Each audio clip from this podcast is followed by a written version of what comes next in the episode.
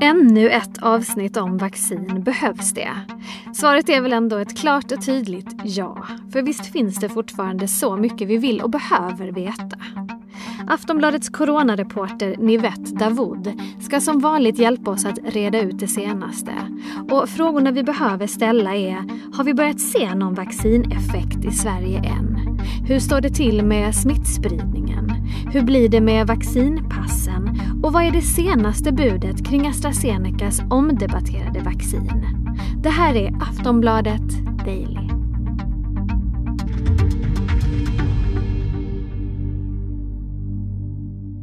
Vi kopplar upp oss mot Nivette Davoud och hon får börja med att ge oss en rejäl uppdatering. Hur ligger vi till i Sveriges vaccinationsprocess? Ja men det beror nog lite på eh, vem du frågar faktiskt. För att om vi börjar med det som har gått Eh, bra eller som går bra så eh, är det ju så att väldigt många av de äldsta och allra sköraste, alltså de som bor på särskilt boende till exempel, de har fått både första och eh, andra dosen nu. Och det är de som prioriteras allra först. Sen så ser det ju väldigt olika ut i olika regioner där till exempel Stockholm har fått väldigt mycket kritik för att man har eh, valt att prioritera vårdpersonal eh, Eh, före de som till exempel har hemtjänst och de är ju, det är ju också väldigt sköra personer ofta.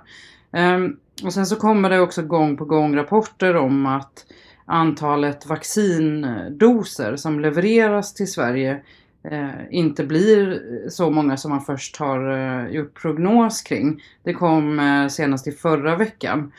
Eh, och det här skapar ju väldigt mycket problem för regionerna. De får väldigt mycket administration eh, kring att de måste avboka folk som har bokats in och eh, vi har också hört flera regioner berätta att många är både arga och besvikna och tycker att de har väntat väldigt länge nu och att det ser så olika ut att någon granne kan ha fått vaccin på sin vårdcentral men att man själv då får vänta till exempel. Och sen så på det så har vi också den här processen med AstraZeneca där Folkhälsomyndigheten eh, tog en paus eh, för att vaccinera med det vaccinet för att utreda eh, misstänkta blodbiverkningar. Och det var ju inte bara Folkhälsomyndigheten som gjorde utan det gjorde många olika länder. Eh, för att de här biverkningarna rapporterades i, eh, på många ställen. Eh, och nu då så får ju personer över 65 år vaccineras med AstraZeneca-vaccinet och det har i sin tur skapat en oro. Det finns också de förstås som vill ta vaccinet direkt och som har längtat nu när det liksom äntligen släpps på. Och till exempel i helgen så rapporterade vi om ett sjukhus i Stockholm som öppnade en eh, först till kvarn-lista för att man hade doser eh, av AstraZeneca som behövde användas och då blev det långa köer där. Så det kommer väldigt många olika rapporter från olika delar av landet. Mm, om vi pratar här mer om AstraZeneca. Nu får ju man ju då vaccinera 65-plussare med det vaccinet. Hur har Folkhälsomyndigheten gjort den bedömningen? Ja, men den har man gjort ganska så likt eh, andra länder faktiskt. Till exempel Finland eh, gör likadant. Att, eh, man har bedömt att utifrån de här väldigt få fallen av eh, misstänkta väldigt allvarliga eh, biverkningar Eh, som har drabbat personer. De personerna har varit under 55 år. Och vi vet ju att ålder är den främsta riskfaktorn för att få svår covid-19 eller att avlida med viruset. Eh, och då gör man bedömningen att nyttan överväger risken för den gruppen. Eh, alltså gruppen över fem, 65 år. Eh, och därför så har man då sagt att vaccineringen kan starta igen med AstraZeneca-vaccinet för den gruppen. Och det är ju den gruppen som vaccineras just nu framförallt då förutom eh, vårdpersonal. Eh, så därför börjar man där och sen så fortsätter utredningen eh, Eh, kring AstraZenecas vaccin, både i Sverige och i EU. Eh, så att vi kan säkert vänta oss fler beslut där, men det är det som eh, gäller just nu. Sen har det också bråkats en del om vaccin. Det har till exempel varit konflikter mellan EU, Storbritannien och AstraZeneca. Vad går det bråket ut på och hur påverkar det oss? Det här är en lite snårig historia som eh, handlar om att eh, EU-länderna är sura kan man säga på att länder som, eh, ja det är flera länder men kanske framförallt då Storbritannien får eh, eller har fått vaccin av EU som till exempel Pfizer-vaccinet, det är ju tyskt. Eh, och att de, alltså de importerar vaccinet av EU-länder och så vaccinerar de i rekordfart. Eh, men sen så får inte EU de doser som man har beställt för att eh, man eh, bland annat har infört ett eh, exportförbud. Och där har AstraZenecas vaccin hamnat i mitten. Det tillverkas ju bland annat i, i Storbritannien fastän det är då, man kallar ju det för ett svenskt-brittiskt vaccin. Eh, och, och det är ju AstraZenecas vaccin som Storbritannien också använt på sin befolkning men inte då i lika hög grad har skeppat till EU-länderna. Och det här har lett till förseningar i vaccinleveranser. Eh, sen samtidigt som det här så har också till exempel fabriken i Belgien som också tillverkar AstraZeneca-vaccin. De har haft problem och behövt skriva ner prognosen. Eh, och vi pratade ju om det förut att eh, när prognosen skrivs ner så, så drabbar det oss med avbokade tider och i förlängningen kanske att fler hinner bli smittade. Så nu har eh, e EU-kommissionen beslutat om ett tillfälligt exportförbud av vaccin till länder som det går väldigt bra för vad gäller vaccinering eh, så att man inte ska behöva liksom stå inför den här situationen igen. Och då blir frågan direkt här, kommer det här betyda att Sverige och EU kan få fler doser? Och Ja, det kan det faktiskt innebära. Exakt hur många, eh, det vet man inte riktigt än. Och det är vaccinsamordnaren Richard Bergström som säger i, i flera intervjuer. Eh, och egentligen så tycker inte Sverige att det här är en särskilt bra idé med olika exportförbud. För att eh, det kan ju skapa en slags vaccinnationalism som ju inte är särskilt bra eh, globalt sett. Därför att det funkar ju så med vaccin att ingen är säker förrän alla är säkra. Alla behöver vaccineras. Ja, om vi håller oss kvar i Sverige. Här fortsätter ju smittspridningen att öka på många håll runt om i landet. Så då undrar man ju hur det går med vaccineffekten. Ser vi någon vaccineffekt?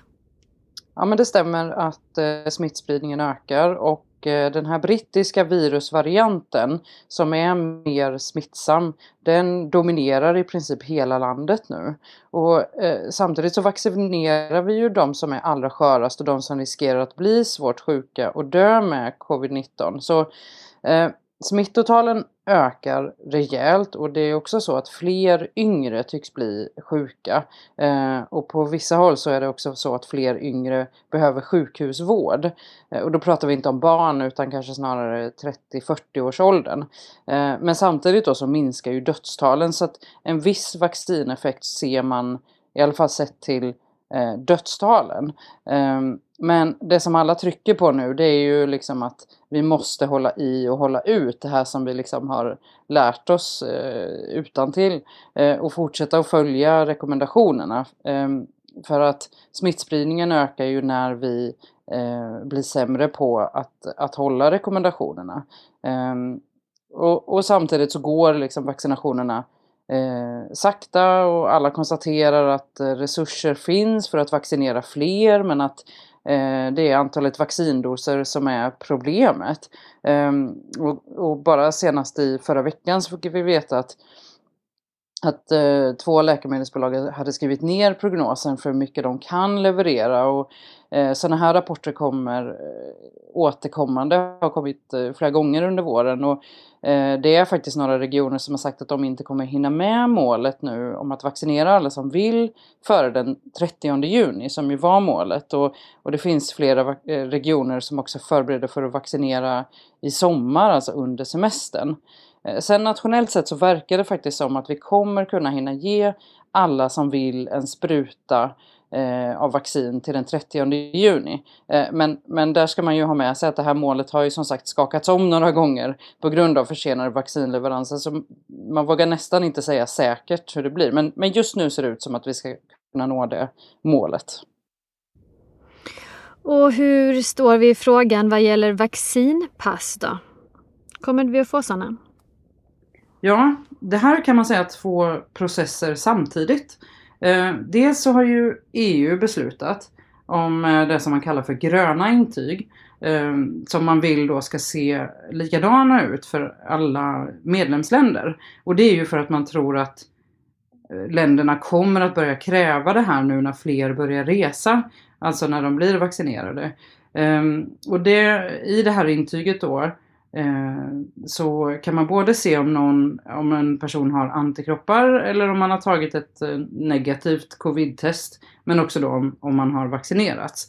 Ehm, så därför kallar man det inte till exempel för vaccinpass för att det, det ska liksom innehålla fler saker.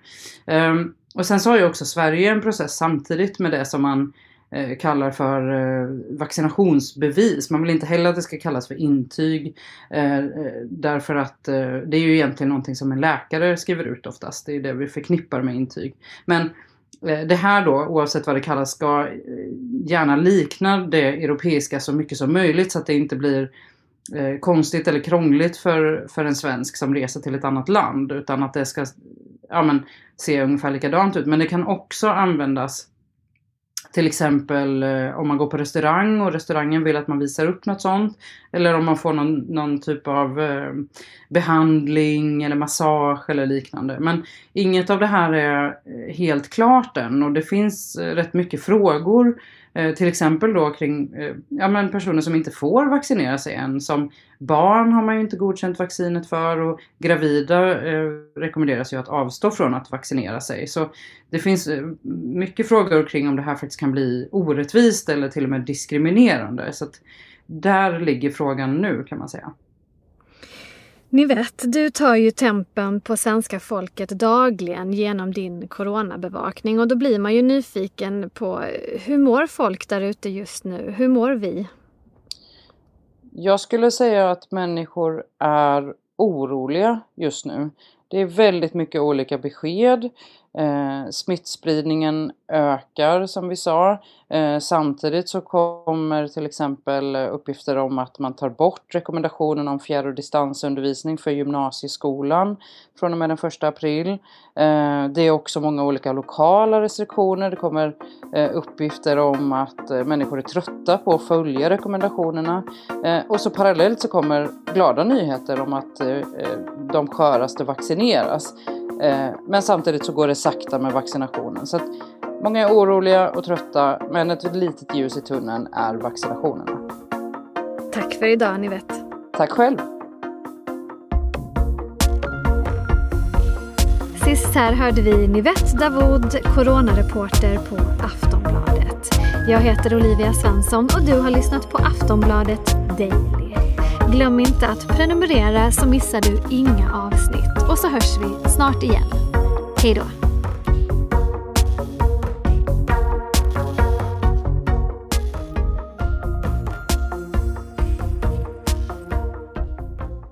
Du har lyssnat på en podcast från Aftonbladet. Ansvarig utgivare är Lena K Samuelsson.